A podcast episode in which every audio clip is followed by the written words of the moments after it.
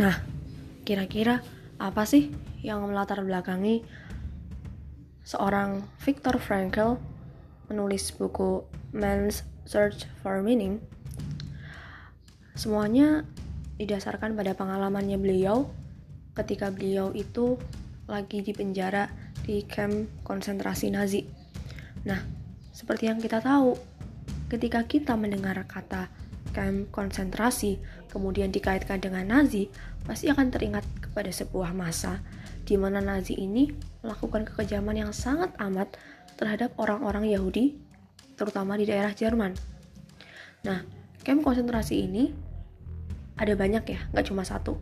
Ada yang terletak di Auschwitz, ada yang terletak di, pokoknya tersebar di banyak tempat.